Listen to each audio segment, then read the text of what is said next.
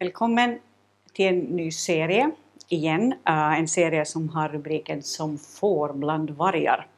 Och det är ju faktiskt en eh, rubrik eller ett citat direkt från Matteus evangeliets tionde kapitel som jag alldeles strax ska läsa ett lite större sammanhang ur. Eh, den kristna kyrkan, och jag vill dela det här som en intro innan vi läser det här ordet, den kristna kyrkan är ju en gammal rörelse.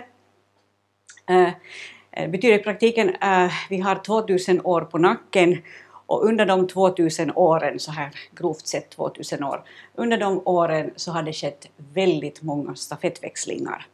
Uh, kallelsen att tjäna Gud har getts vidare från generation till generation. Och uh, risken när man ger vidare stafettpinnen till nästa generation är ju att någonting förloras under vägen. Eh, uh, överlag så är ju stafettväxlingar ganska utmanande just därför att det handlar inte bara om att springa sitt eget lopp utan det handlar också om att göra en så bra växling som möjligt. Och i Guds rike så har det gjorts många, många växlingar under de här 2000 åren. Och det finns en risk att vi kan ha tappat bort någonting av det absolut mest väsentliga i budskapet under vägens gång. Eh, dessutom lever vi som troende och som kristna i väldigt olika miljöer om vi tänker på den världsvida kyrkan. I, I Finland, i Norden, i Europa så är det lätt att vara troende. Det är ingen som blir eh, desto mer provocerad av om du säger att du är kristen. Någon kanske höjer på ögonbrynen lite men inte desto mer. Men det finns äh, delar i vår värld äh, där, där kristen tro går framåt med en väldig fart. Äh, till exempel i Iran, där också människor, där troende förföljs på grund av sin tro väldigt, väldigt radikalt. Så det kostar dem väldigt mycket att leva som kristna. Och, och, därför lever de just i en sån här miljö som får bland vargar.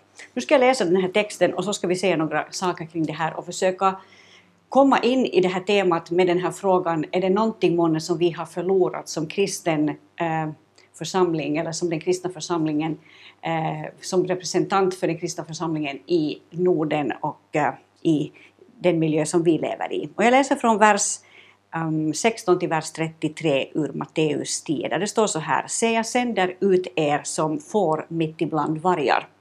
Var därför listiga som ormar och oskyldiga som duvor. Akta er för människorna. De ska utlämna er åt domstolar och i sina synagogor ska de gissla er. Och ni kommer att föras inför landshövdingar och kungar för min skull, för att vittna inför dem och hedningarna. Men när man utelämnar er, så bekymra er inte för hur ni ska tala eller vad ni ska säga. Det kommer att ges er i den stunden.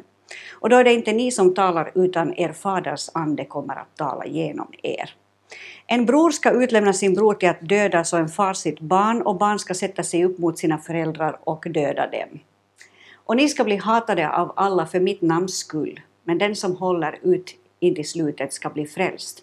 Och när man förföljer er i en stad så fly till en annan. Amen säger jag er, ni hinner inte genom Israels städer förrän Människosonen kommer. En lärjunge är inte för mer än sin lärare och en tjänare inte för mer än sin herre. Det är nog för lärjungen att det går med honom som med hans lärare och för tjänaren att det går med honom som med hans herre. Har man kallat husets herre för Belsebul, hur mycket mer ska man då inte kalla hans tjänare så?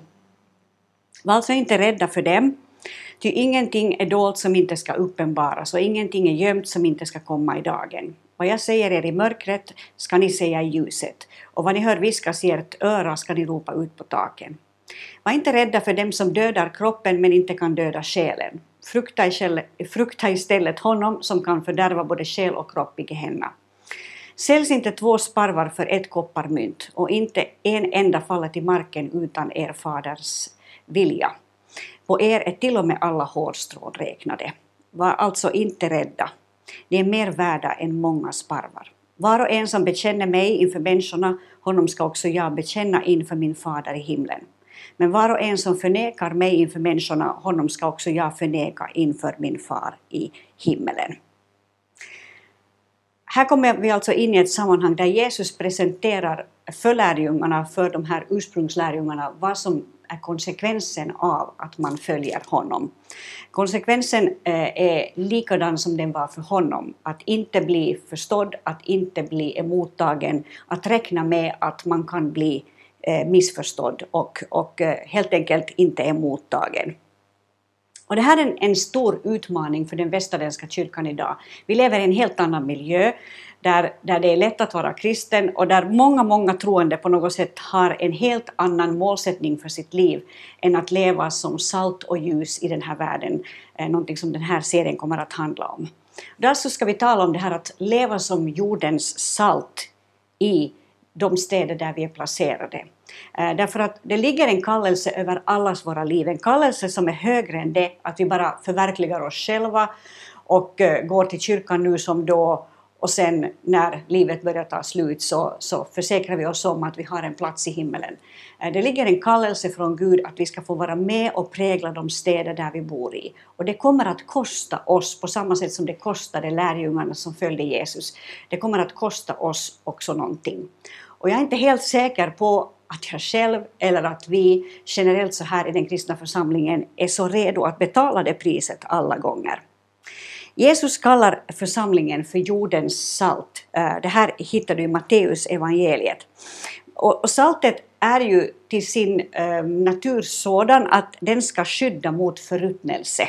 Saltet eh, så i den bibliska kontexten så var saltet en livsnödvändighet. Det var en mineral som användes som, som krydda, som konserveringsmedel och som desinficeringsmedel. Eh, så saltet hade verkligen en, en viktig funktion av att bevara saker och ting friskt. Och det är därför som Jesus säger att om saltet förlorar sin sälta, och det här har vi i bergspredikan, om saltet förlorar sin funktion så duger det inte till någonting längre. Eh, Jesus eh, namnger sin församling, eller kallar sin församling per definition jordens salt. Vi är kallade in i den här världen, eller sända in i den här världen rättare sagt, eh, med funktionen att vara som ett salt i våra samhällen, som en krydda, som ett konserveringsmedel, som ett desinficeringsmedel, ett, ett, ett medel som håller samhället friskt. Och, och, jag ska bara ge dig en liten biblisk bakgrund på hur, hur det här med saltet också finns med liksom i, i, själva, uh, i, själva Guds tron. Det står till exempel i tredje Mosebokens andra kapitel och trettonde vers att i varje offer som, som man förde fram inför Herren skulle det finnas salt. Esra i kapitel 6 och vers 9 så där står det att i tempeloffret så skulle det finnas salt. Men jag ska läsa det här från tredje Mosebokens andra kapitel så får du en, en direkt koppling till det här. Det står så här i vers 13 i tredje Moseboken 2. Alla dina matoffer ska du beströ med salt. Du ska inte låta saltet i din Guds förbund fattas på dina matoffer. Till alla dina offer ska du offra salt. Så i alla offer som man bar inför Gud så skulle den här smaken av salt finnas med. Och det är ju egentligen en stark eh, sån här hälsning till oss också. Nu frambär vi inte samma typ av offer eh, i egenskap av kristen församling idag. Vi, vi frambär vår tillbedjan inför Jesus. Vi frambär våra böner inför Jesus. Vi tjänar honom på olika sätt.